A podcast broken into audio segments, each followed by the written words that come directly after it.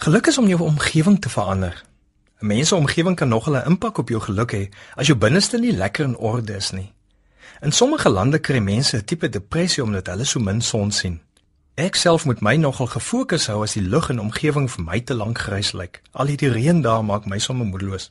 Toe vind ek uit 'n sonbril met 'n titseltjie blou help my om my omgewing positief te waardeer in sulke tye. Hoe lyk dit rondom jou? Hoe lyk jou kuierkamer en jou lesenaar en jou werksplek? Ek self is nie fanaties oor hoe 'n lesenaar moet lyk nie. As ek aan die werk gaan, land daar al hoe meer boeke en papiere daarop. Maar ek het al gevind hoe meer die mekaar my lesenaar raak, hoe meer gejaag is my lewe.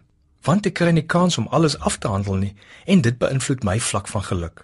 Natuurlik is die onaantastbare en onverstoorbare vreugde in Jesus wat ons liefhet. So daardie omgewing in jou heilige binneste moet jy bly beskerm en uitbou. Gebruik verskillende rituele om jou meer vrede in Jesus te help ontdek. Maar kyk ook rondom jou of daar dinge is wat jou vreugdes wil steel. Miskien is dit tyd dat jy jou kamer skuif.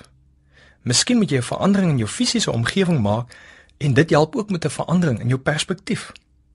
Dalk moet jy 'n slag net ordentlik vakansie hou of behoorlike naweek wegbreek na 'n ander omgewing. Maar moenie jou tuisomgewing dan saamneem nie. Met ander woorde, los die werk en los die rekenaar en moenie jou e-pos op jou selfoon lees nie. Jy sal sien jy kry baie meer en effektiewer gedoen as jy weer tuis is. So 'n omgewingsverandering doen gewoonlik wondere vir jou gevoel van geluk. Die Israeliete het by die Here gekla oor hulle omgewing. Hulle het swaar gekry in Egipte en gepleit by die Here vir verlossing.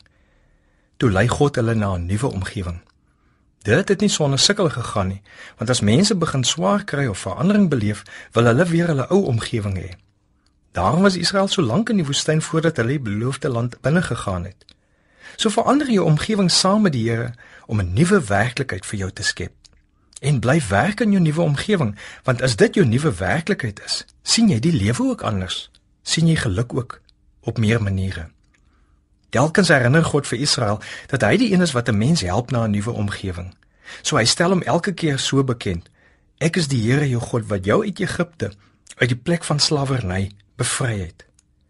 God sal jou help om 'n nuwe omgewing te skep. Dalk is dit 'n nuwe vriendekring, want jou sosiale omgewing mag jou dalk aftrek en jou negatief beïnvloed. Jy het dalk ander mense in jou lewe nodig wat jou sal help om vreugdevol te leef. Wanneer God jou help om jou omgewing te verander, is dit eintlik om God nog meer te geniet en nog meer vreugde in jou verhouding met Jesus te kan vind. Dis geluk.